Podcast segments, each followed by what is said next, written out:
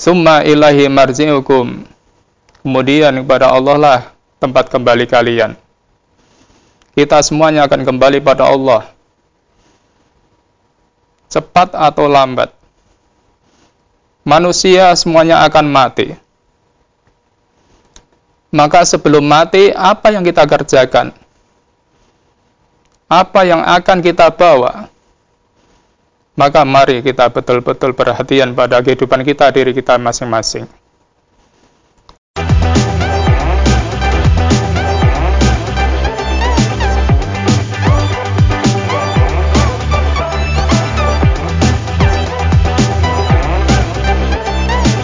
Bismillahirrahmanirrahim Assalamualaikum warahmatullahi wabarakatuh Saudara pemirsa channel terpilih MTA TV di mana pun Anda berada Puji syukur Alhamdulillah senantiasa kita panjatkan kehadirat ilahi Rabbi Allah Subhanahu Wa Taala atas kenap karunia nikmat dan juga rahmatnya untuk kita semua di perjumpaan awal aktivitas pagi hari ini.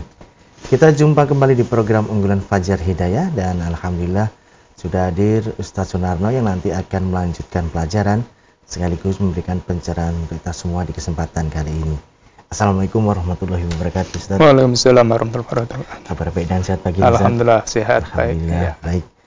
Dan pemirsa kami ingatkan untuk senantiasa kita laksanakan bersama protokol kesehatan, pakai masker, jaga jarak dan cuci tangan menggunakan sabun.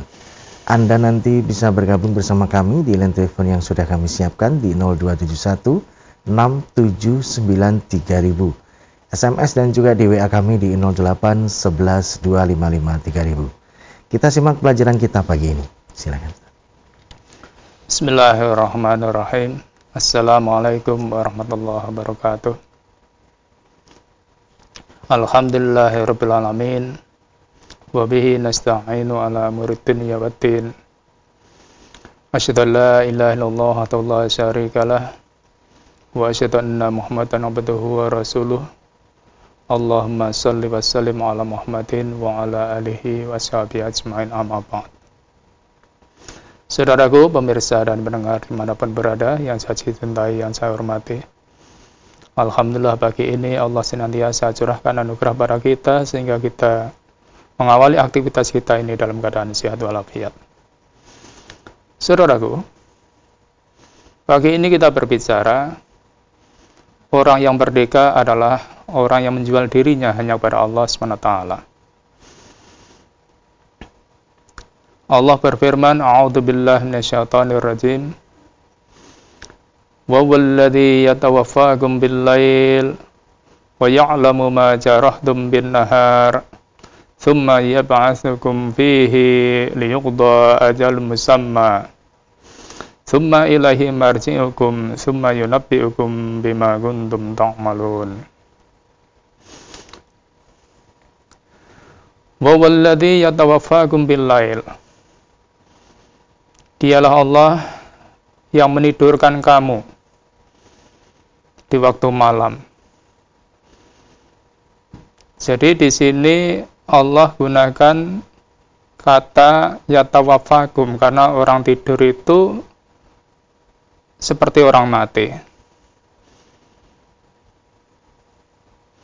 Wa ya'lamu ma jarahtum bin nahar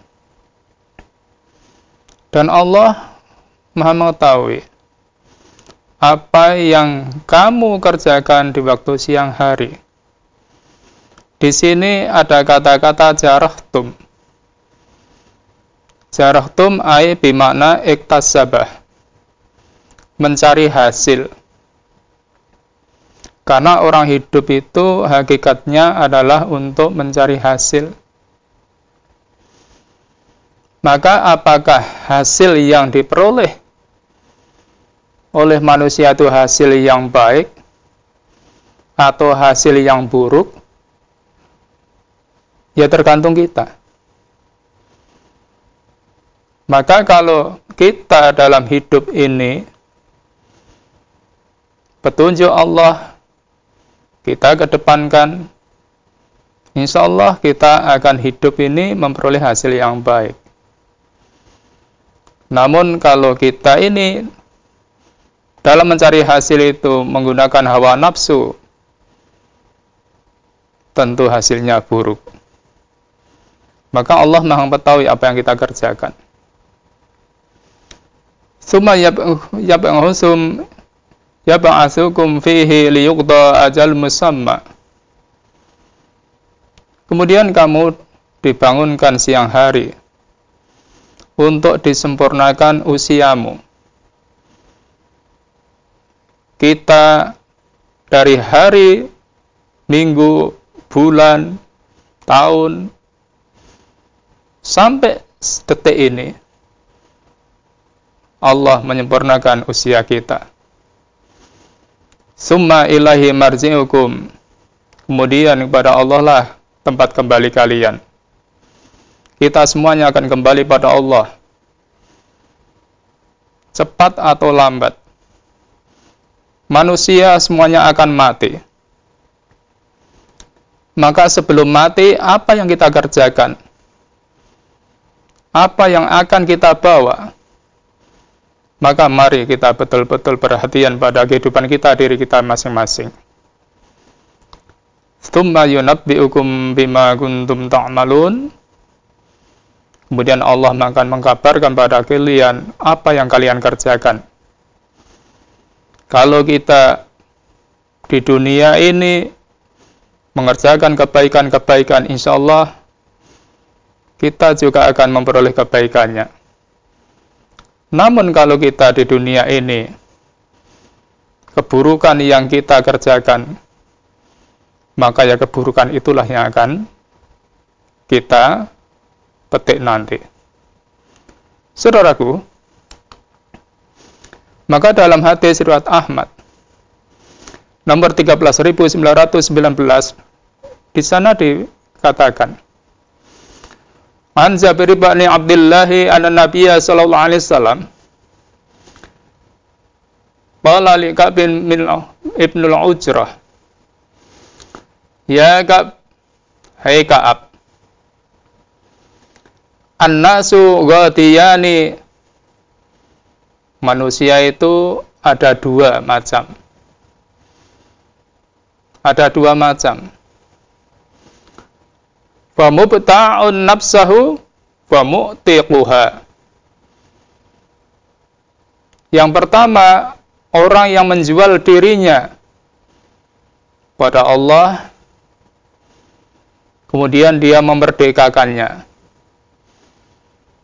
Jadi kalau manusia itu menjual dirinya pada Allah berarti dalam hidup dia senantiasa akan berusaha melaksanakan perintahnya menjauhi larangan-larangannya.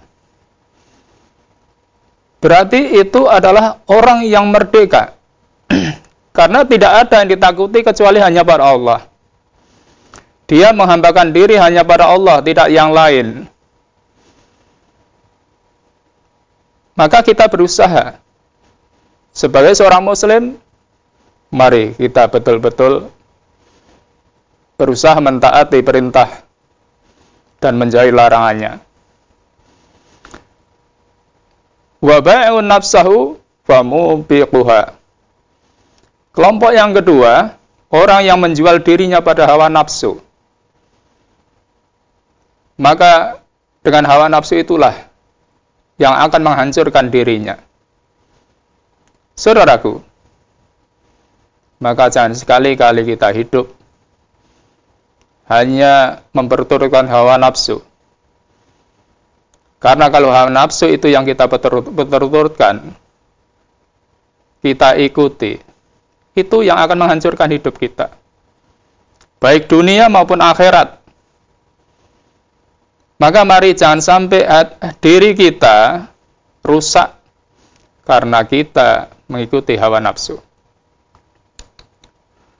Karena bagaimanapun saudaraku, kita hidup ini jangan sampai waktu yang Allah anugerahkan pada kita tidak menghasilkan sesuatu yang nanti menjadikan kita hidup bahagia baik dunia maupun akhirat maka mari kita berusaha mengikuti petunjuk agama tentu untuk bisa mengikuti petunjuk agama kita harus bisa memahami meyakini dan mengamalkannya. Namun kalau agama itu kita abaikan, akhirnya kita hanya mengikuti hawa nafsu. Maka dalam hadis yang lain, Rasulullah memperingatkan kita. An Abi Hurairah radhiyallahu anhu qala qala Rasulullah sallallahu alaihi wasallam A'dzarallahu ila mri'in akhara ajaluhu hatta balagha sittina sana. Allah menolak alasan bagi seorang yang Allah memberinya umur diberikan usia sampai 60 tahun kok tidak menjadi orang baik? Maka berarti kita hidup ini sia-sia. 60 tahun itu umur usia yang panjang. Padahal dalam hadis yang lain man atat alaihi arba'una sana lam yaklib sarrahu lam yaklib khairahu syarrahu falyatabawwa falyatabawwa maktahu minan nar. Maka kalau usia 40 saja kebaikannya tidak mengalahkan keburukannya bersiaplah masuk neraka. Apalagi ini 60 tahun. Saudaraku maka usia kita ini adalah usia kurnia Allah yang harus kita manfaatkan, gunakan dalam rangka untuk menghambakan diri pada Allah yang akhirnya kita bisa memperoleh kebahagiaan sejak dunia ini sampai akhirat. Dalam hadis surat At-Tabrani dikatakan, An Abdullah bin Mas'ud Qala Rasulullah sallallahu alaihi wasallam Inna lillahi ibadan yadhinnu bihim anil qatl Sesungguhnya Allah mempunyai hamba yang dia selamat. Kalau di sini kotel itu kan pembunuhan. Jadi hidupnya diberikan usia yang panjang karena selamat dari malapetaka. Wa yutulu amarahum fi husnil amal. Dia dalam usia yang panjang itu dia selalu dalam perbuatan yang baik. Maka ini tanpa tuntunan agama tidak mungkin. Tidak mungkin. Maka kita berbahagialah bagi orang-orang yang mau mengkaji agama, mengkaji Al-Quran dan As-Sunnah, karena di situlah kita akan mengerti jalan kebaikan-kebaikan. Kita bisa menghambakan diri kita dalam kehidupan ini dalam rangka melaksanakan perintah Allah dan Rasul-Nya. Kita berbahagia dengan usia yang Allah anugerahkan ini kita pergunakan untuk kebaikan diri kita sendiri. Untuk di dunia ini, apalagi di akhirat kelak wa yuhsinu arzaqahum. Dan Allah memberikan rezeki yang baik. Rezeki yang cukup. Maka apa yang kita inginkan dalam hidup ini? Wa yuhyihim fil afiyah. Dan dia hidup di kurnia Allah afiyah kesehatan. Maka kalau ini yang kita nikmati dalam hidup maka sampai difirmankan Fabi ayyi ala'i rabbikuma tukadziban Kenikmatan yang mana yang kamu dustakan? Saudaraku, maka mari betul-betul kita renungkan betapa kurnia yang Allah anugerahkan pada kita. Sehingga kita ini bisa hidup bahagia di dunia ini dan semoga nanti di akhirat kita bisa memperoleh apa yang dijanjikan Allah surga karena kita taat pada perintah agamanya. Saudaraku, kemudian dilanjutkan dalam hadis tadi. Wayak bitu arwahum fi ma'afiyati. Kemudian sampai waktunya nanti Allah mencabut nyawanya dalam keadaan tentram alal farsi di atas tempat tidurnya wa yu'tihim manazila syuhada. Allah akan memberikan kedudukan seperti orang yang mati syahid. Inilah keberuntungan orang yang mau mentaati perintah Allah dan Rasulnya. Orang yang mensyukuri anugerah Allah yang dianugerahkannya. Maka kita mudah-mudahan termasuk di dalamnya. Saudaraku, maka dari itu Rasulullah juga memberikan didikan pada hambanya. An Abi Hurairah radhiyallahu an anna Rasulullah sallallahu alaihi wasallam qol La yatamanna ahadukumul maut imma yuksinan fala'allahu yazdadu maka kita sebagai hamba tidak boleh mengharapkan kematian, putus asa, putus asa dari kehidupan. Walaupun mungkin, maaf, dalam keadaan sakit, tidak boleh. Kita mengharapkan kematian itu tidak boleh. Kalau dia orang yang baik, mudah-mudahan dengan kebaikan itu menambah kebaikannya di dunia ini itu yang kita harapkan. Maka kita, mari betul-betul kita pergunakan dalam kehidupan kita ini dalam keadaan apa pun. Wa imma musian. Adapun kalau dia orang yang kurang baik, orang yang banyak melanggar, fala'allahu yastatibu mudah-mudahan dia segera bertobat segera menyadari kesalahannya. Maka yang begini, tentu itulah yang kita harapkan dalam kehidupan. Karena kita mengharapkan ampunan dari Allah SWT. Hadis riwayat Bukhari Muslim. Saudaraku, maka dari itu marilah kita betul-betul menikmati hidup di dunia ini dengan ketaatan, berarti kita hidup membebaskan diri, memerdekakan diri hanya untuk Allah SWT. Karena hidup kita itu tidak lama. Hidup kita ini tidak lama. Maka kalau digambarkan dalam sebuah asar, kita hidup ini ibaratkan hanya at-dunya salah satu ayamin Hidup di dunia ini ibaratkan hanya tiga hari. Yaumun mado ma biyatika min husyai'un. Hari yang sudah berlalu, maka kalau hari yang sudah berlalu itu kita gunakan kebaikan, ya mudah-mudahan itu menjadi celengan kita, simpanan kita.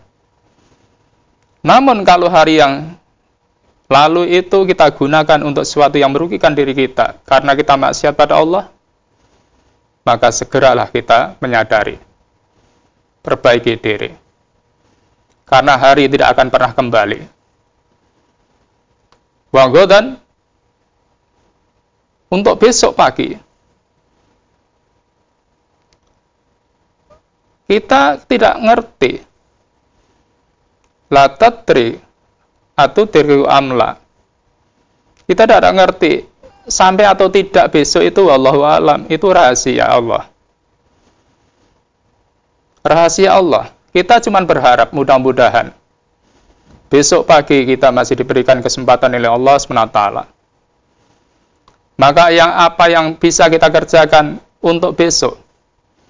Maka kita dididik selalu supaya kita mengucapkan insya Allah itu pentingnya karena tidak tahu apa yang terjadi besok kita. Kemudian wa yaumun anta fihi faqtanimhu. Hari yang sekarang kita ada, sekarang kita ada, maka manfaatkan sebaik-baiknya dalam rangka untuk melaksanakan perintah Allah dan Rasulnya dalam hidup ini sehingga kita memperoleh kebaikan-kebaikan pada hari ini yang kita lewati. Saudaraku, Mudah-mudahan kita dalam hidup ini senantiasa mendapatkan bimbingan, mendapatkan hidayah untuk terus bisa bertahan dalam kebaikan sehingga kita hidup ini bebas dari penghambaan pada selain Allah, merdeka dari penghambaan diri kita pada selain Allah, sehingga kita hidup kita, mati kita hanya untuk Allah Subhanahu wa taala. Begitulah saudaraku, semoga bermanfaat untuk kita bersama. Terima kasih. Ya. Baik pemirsa, kami harapkan Anda bisa bergabung bersama kami di line telepon 02716793000. SMS dan juga di WA kami di 08112553000. Namun sebelumnya kita akan simak beberapa informasi dalam rangkaian jeda pariwara berikut ini. Pemirsa channel terpilih MTA TV di mana pun Anda berada, terima kasih Anda masih setia bersama kami, khususnya di program unggulan Fajar Hidayah pagi ini. Kesempatan yang pertama kami persilahkan di line telepon 02716793000 untuk bisa bergabung. Halo, Assalamualaikum. Halo, Assalamualaikum. Halo, Assalamualaikum. Waalaikumsalam. Halo, Assalamualaikum. Waalaikumsalam. Ya, dengan siapa di mana Ibu? Dengan Ibu Umar di Telanggu. Ya, silakan Ibu Umar. Ya, terima kasih. Assalamualaikum Pak Ustaz. Waalaikumsalam warahmatullahi wabarakatuh. Monggo Ibu Umar. Ini Ustaz, ada seorang ibu ini takut akan dosanya yang tidak diampuni gitu loh Ustaz.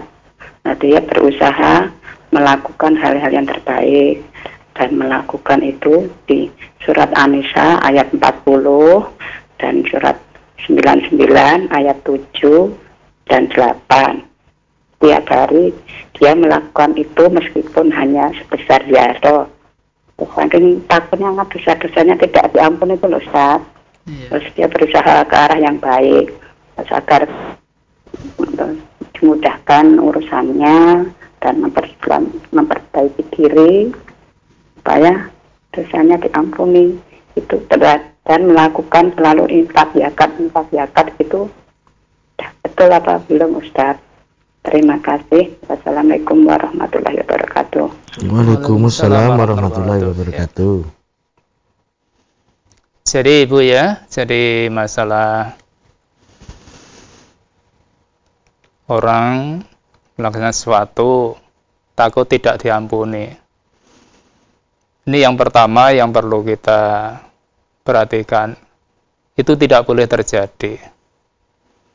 Kita harus berharap Allah mengampuni kita. Karena dalam surat Az-Zumar itu kita dididik dididik Qul ya ibadiyalladzina asrafu ala anfusihim di sini ya. Katakan Muhammad pada hambaku yang dia melampaui batas pada diri mereka sendiri. Maksudnya melakukan pelanggaran-pelanggaran, melakukan dosa. La taqnatu mirrahmatillah. Kamu jangan putus asa dari rahmat Allah. Rahmat Allah di sini adalah ampunan Allah. Kita tidak boleh putus asa. Allah Maha Pengampun, Maha Penyayang. Inna Allah yakfiru dhunuba jami'a. Allah akan mengampuni dosa-dosa kita. Allah akan mengampuni. Innahu huwal ghafur rahim. Allah itu maha pengampun, lagi maha penyayang.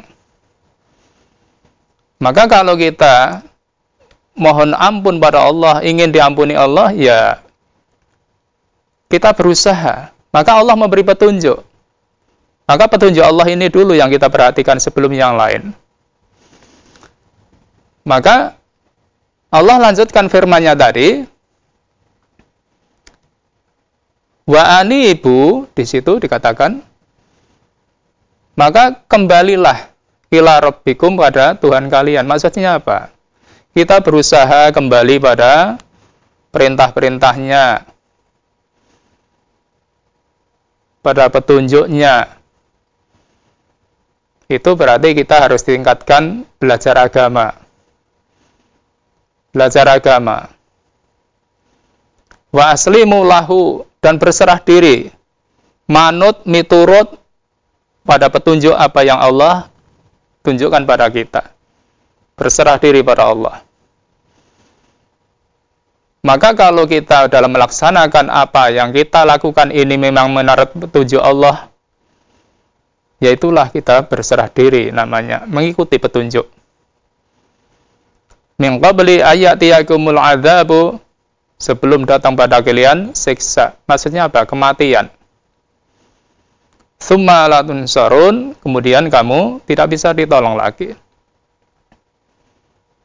Itu cara untuk menghilangkan rasa takut supaya kita betul-betul diampuni oleh Allah dengan cara yang tunjukkan Allah.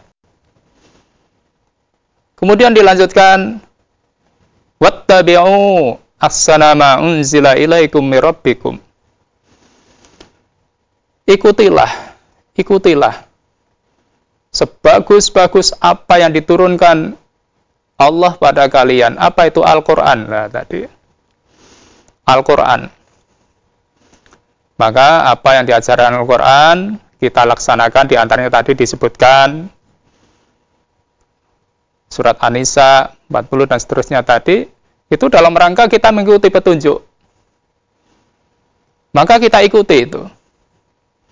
Kalau dalam ayat itu sesuatu yang kita laksanakan itu menurut perintahnya, ya mari kita lakukan.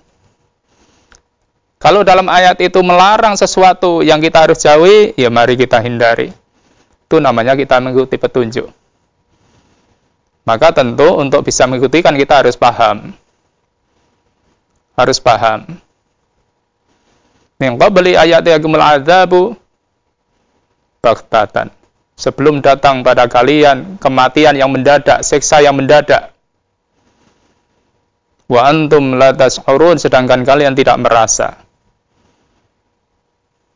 Itu cara yang Allah tuntunkan pada kita dalam kita mohon ampun pada Allah. Kita harus yakin Allah mengampuni kita, maka ikuti petunjuk itu. Petunjuk-petunjuk ini harus kita ikuti. Kemudian supaya kita nanti tidak menyesal di belakang hari. Jadi kalau itu tadi kita melaksanakan sesuatu yang sampai rasa takut berarti kan dosa besar. Maka sekarang atbi sayyi'atal hasanata tamhuha. Ikuti. Di samping mengikuti petunjuk ayat-ayat tadi, tutup perbuatan yang buruk itu dengan perbuatan-perbuatan yang baik, apa pun itu perbuatan baik tadi maka insya Allah akan menutup dosa kita. Maka di samping itu mohon ampun, istighfar, dan kita ikuti apa yang Allah turunkan pada kita. Berarti kita harus ngaji. Kalau tidak ngaji, kita tidak akan paham apa yang harus kita kerjakan. Maka semoga tidak dihantui rasa takut itu tadi berlebihan sehingga nanti bisa menimbulkan putus asa kita kusunudon billah Allah mengampuni saya. Yang penting kita ikuti petunjuk-petunjuknya. Karena kalau manusia sudah menyadari kekeliruannya, insya Allah Allah mengampuni kita. Begitu Ibu, semoga bisa dipahami. Ya. Kita bacakan Ustaz yang ada di WA dari Ibu Hani di Sragen. Ustadz, saya seorang anak ibu, bahkan sudah menjadi nenek. Sejak kecil sampai sekarang, saya belum pernah berjumpa dengan bapak kandung saya. Singkat cerita, ibu dan bapak saya waktu itu bercerai sewaktu saya masih bayi. Masing-masing sekarang sudah berkeluarga Ustadz dan saya ikut dengan ibu. Waktu saya menikah dulu walinya wali hakim karena waktu itu belum mengaji dan pernah mencari bapak tetapi tidak ketemu. dan pihak dari keluarga Bapak tidak hadir di pernikahan. Pertanyaannya, apakah pernikahan saya sah, Ustadz? Yang kedua, apakah saya termasuk anak durhaka karena sampai sekarang belum tahu di mana bapak kandung saya berada? Iya. Jadi Ibu diserahkan ya? Iya. Jadi Ibu, jadi yang pertama yang bisa kita ambil pelajaran maka yang seperti itu mudah-mudahan tidak terjadi pada kita tidak terjadi. Karena bagaimanapun akhirnya anak yang jadi korban ya. Kemudian ibu ya, kalau tadi ditanyakan apakah sah pernikahannya? Sah insya Allah. Sah. Karena ibu sudah berusaha mencari tidak ketemu, ya wali hakim. Sah insya Allah. Tidak perlu ragu. Kemudian, apakah ibu termasuk anak yang durhaka? Insya Allah tidak. Insya Allah tidak. Ibu mencari tidak ketemu. Tidak ketemu di mana tempat beliaunya berada. Maka sekarang ibu, karena sebagai ibu, konsentrasinya berkhidmat pada suaminya. Pada suaminya. Jadi masa yang sudah lalu biarlah dan insya Allah bukan salah ibu. Ibu sebagai anak sudah berusaha mencari. Maka sekarang yang perlu kita perhatikan, ibu perhatikan. Perhatikan keluarga. Jadi kalau ibu jaga sholat waktunya, jaga sholat lima waktu itu betul-betul dijaga. Siam Ramadan dilaksanakan menjaga kehormatan rumah tangganya, taat pada suaminya, insya Allah ibu masuk surga. Jadi begitu ibu, semoga bisa dipahami. Baik. Kita beralih kembali di line telepon 6793000 kami persilahkan. Halo, Assalamualaikum. Waalaikumsalam warahmatullahi wabarakatuh. Ya, dengan siapa di mana Ibu? Ini dari Wonosobo. Ya, dengan Ibu siapa? Itu Ibu Yati. Silakan Ibu Yati. Terima kasih. Assalamualaikum warahmatullahi wabarakatuh Pak Ustaz. Waalaikumsalam warahmatullahi wabarakatuh. Monggo Ibu Yati di Wonosobo. Oke. Oh, begini Pak Ustaz, kemarin ada saudara datang ke rumahku. Uh, bahasa saya, dia uh, ini loh omong-omong gini Pak Ustaz. Uh, semisal punya anak kan masih satu belum di hitan jadi uh, termasuk hitan itu kan dari kebersihan jadi dia bilang begini Pak Ustadz uh, bagaimana seandainya hitan itu uh, terus diadakan pengajian maksudnya itu uh, bukan walimah cuman kan misal bisa masak uh, untuk saudara-saudara diundang, jadi mengadakan pengajian. Uh, kata dia begitu. Lalu saya bilang, uh, nggak tahu ya. Coba tanyakan uh, ada tuntunannya atau tidak diperbolehkan, semisal uh, mengundang saudara untuk menghadiri makan-makan, uh, misal buat snack gitu. Terus uh, dia bilang begitu Pak Ustadz. Jadi minta tausiahnya karena dia mendengarkan. Assalamualaikum warahmatullahi wabarakatuh. Waalaikumsalam warahmatullahi wabarakatuh. Ya. Jadi ibu tadi ya ada yang ditanya masalah khitan. Ya pertama khitan itu serahkan pada ahlinya. Karena khitan itu termasuk lima kebersihan tadi ya. Kemudian mau mengadakan pengajian, tapi dengan acara khitan tadi, itu nanti bisa salah niat. Ngaji sih boleh. Ngaji sih boleh. Jangan sampai nanti salah niat.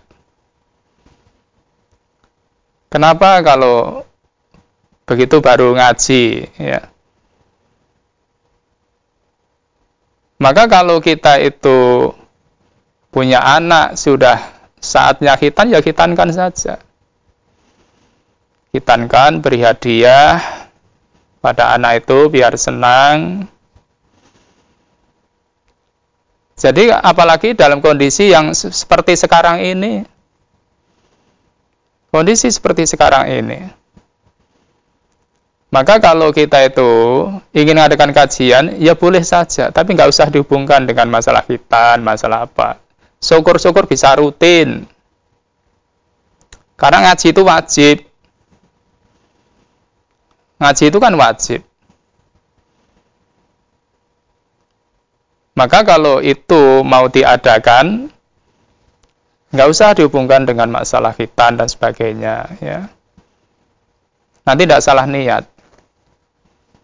Karena memang belajar agama itu wajibun likuli muslimin wajib bagi seorang Islam itu wajib. Tadi tulabul ilmi itu faridoh, wajib. Nah, kalau cuma begitu kan berapa tahun sekali itu. Maka yang begitu itu, ya apalagi kalau itu mau dikerjakan begitu ya silahkan saja, tapi nggak usah dihubungkan dengan masalah hitan. Tadi ngaji, ngaji gitu saja. Begitu, semoga bisa dipahami. Baik. Masih ada kesempatan dilanjutkan di WA Ustadz pertanyaan berikutnya dari Bapak Bizar yang ada di Sragen. Yang pertama, Ustadz untuk melatih sholat tahajud, bolehkah sholat tahajud dilatih dua rakaat terlebih dahulu setiap harinya. Karena kadang mau 11 rakaat itu sudah kepikiran beratnya Ustaz. Ya. Yeah. Kedua, sholat tahajud apakah boleh dilakukan berjamaah dengan istri? Ya. Yeah. Jadi yang pertama ya sholat tahajud untuk membiasakan diri dua rakaat boleh. Karena dalam hadis itu disertakan alaikum bil qiyamil lail walau rok ngatain gitu ya hendaklah kalian melaksanakan sholat malam walaupun dua rakaat saja. Dua rakaat. Terus nanti witir ya. Witir. Witir itu tiga rakaat boleh. Kalau mungkin hampir kesubuhan satu rakaat juga boleh. Jadi boleh. Jadi dua rakaat untuk membiasakan diri bangun malam terus nanti ditingkatkan sedikit-sedikit gitu ya. Sampai nanti bisa 11 rakaat gitu ya. Kalau terpaksa bisanya cuma dua rakaat atau empat rakaat itu tidak apa-apa. Boleh. Kemudian apa boleh. Berjamaah lebih abdal dilakukan sendiri-sendiri jadi dilakukan sendiri-sendiri. Jadi istri sholat sendiri, suami sholat sendiri. Sholat sunnah begitu. Begitu, semoga bisa dipahami. Baik. Beralih kembali di line telepon 6793000 kami persilahkan. Halo, Assalamualaikum. Halo, Assalamualaikum. Waalaikumsalam warahmatullahi wabarakatuh. Ya, dengan siapa di mana Bapak? Waalaikumsalam warahmatullahi wabarakatuh. Pak Kadirun Sorong. Ya, silakan Pak Kadirun. Sorong. Assalamualaikum warahmatullahi wabarakatuh Pak Ustaz. Waalaikumsalam warahmatullahi wabarakatuh. Moga Bapak Kadirun di Sorong. Iya Pak. Alhamdulillah.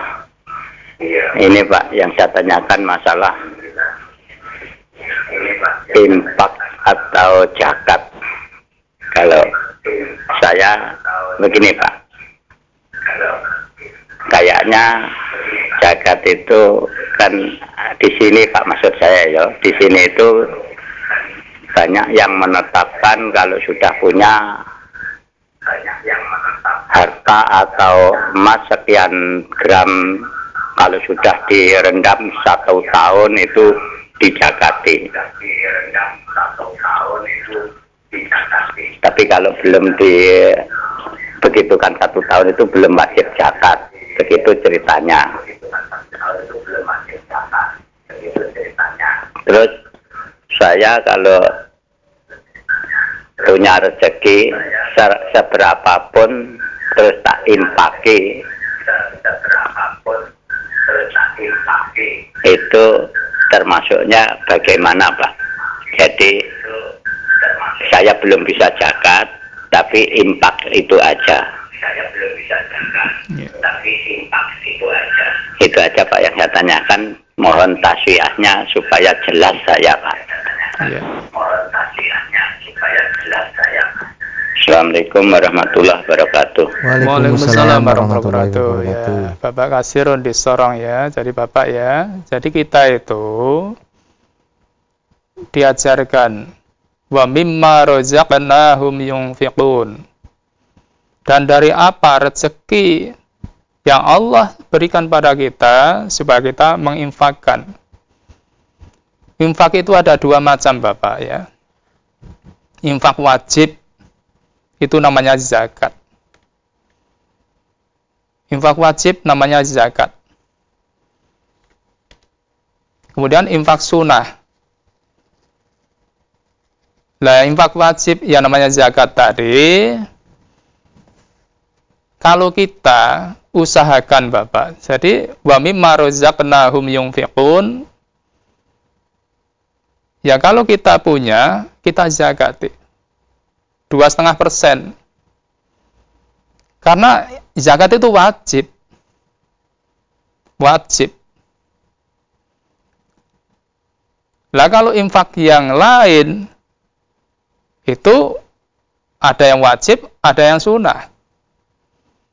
Wajib insidentil karena memang saat itu harus mengumpulkan dana demi untuk menanggulangi persoalan-persoalan yang dihadapi umat Islam itu jadi wajib insidentil itu infak. Atau infak sunnah umpamanya masukkan dana ke masjid atau sodakoh. Maka kalau kita urusan zakat, laksanakan.